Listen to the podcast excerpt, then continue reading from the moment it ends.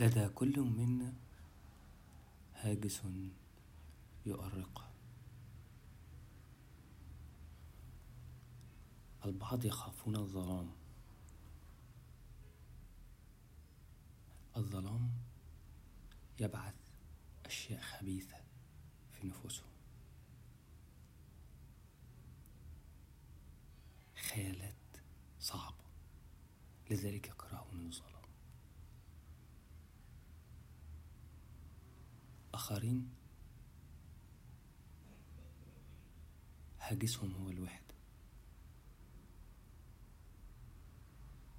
أن يعيشوا وحيدين.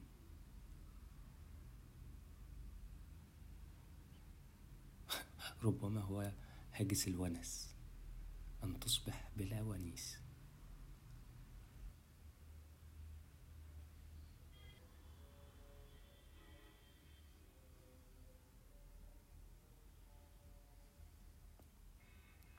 البشر هم مجموعات من الهواجس. تتحرك. تنتشر يوميا. الهواجس تسيطر على حياتنا تقريبا.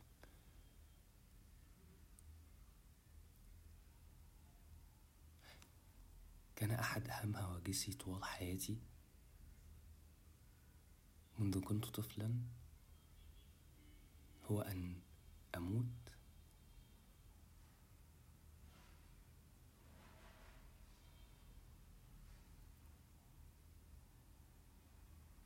داخل أحد البلاعات المفتوحة بعدما أسقط دون ما أدري أنها مفتوحة؟ وأصوات ولا أحد ينجد؟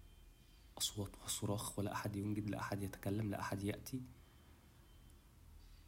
انكتام في الأنفاس خيالات صعبة. لحظة اختناق. موت بطيء.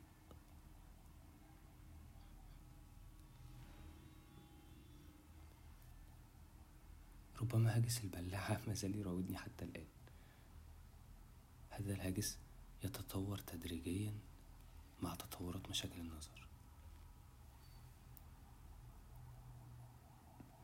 ربما الأمر تطور الآن. فحينما كنت صغيرا وفي الحي الذي أسكن به كان عدد البلاعات المفتوحة أكبر بكثير من الآن. على الأقل الآن يضع بعض الحجارة أو أو شيء أو بعض العلامات التي تميز أن هناك بلاعة مفتوحة في هذا المكان.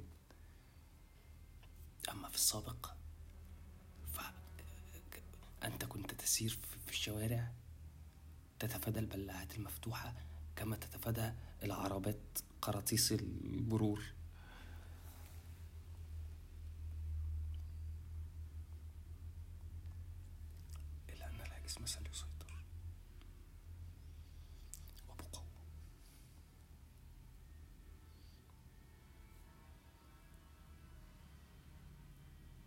قبل مباراة مصر الأخيرة بعد ضد الكاميرون كنت مع أحد الأصدقاء فإذ به آه، يقوم بتشغيل أحد الفيديوهات على يوتيوب.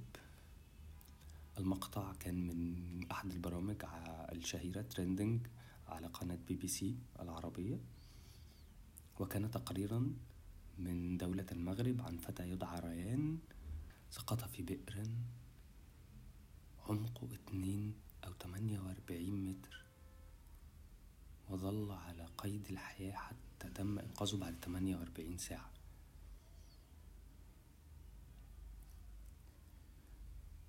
ربما أثر هذا التقرير فضولي بشدة. أنا أتحدث إليكم عن هاجس البلاعة.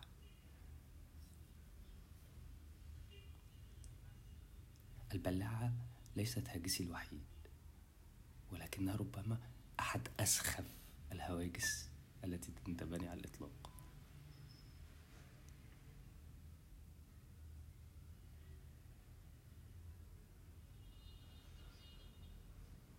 ربما في أغلب الأحوال ما نتحدث عن هواجسنا بسخرية. حتى نستطيع أن نهزمها ونتخلص منها. لكن في هذه المرة لم ينتبني هذا الشعور. ما أشعر به الآن أنني أريد التحدث عن هاجس البلاعة بما يحمله من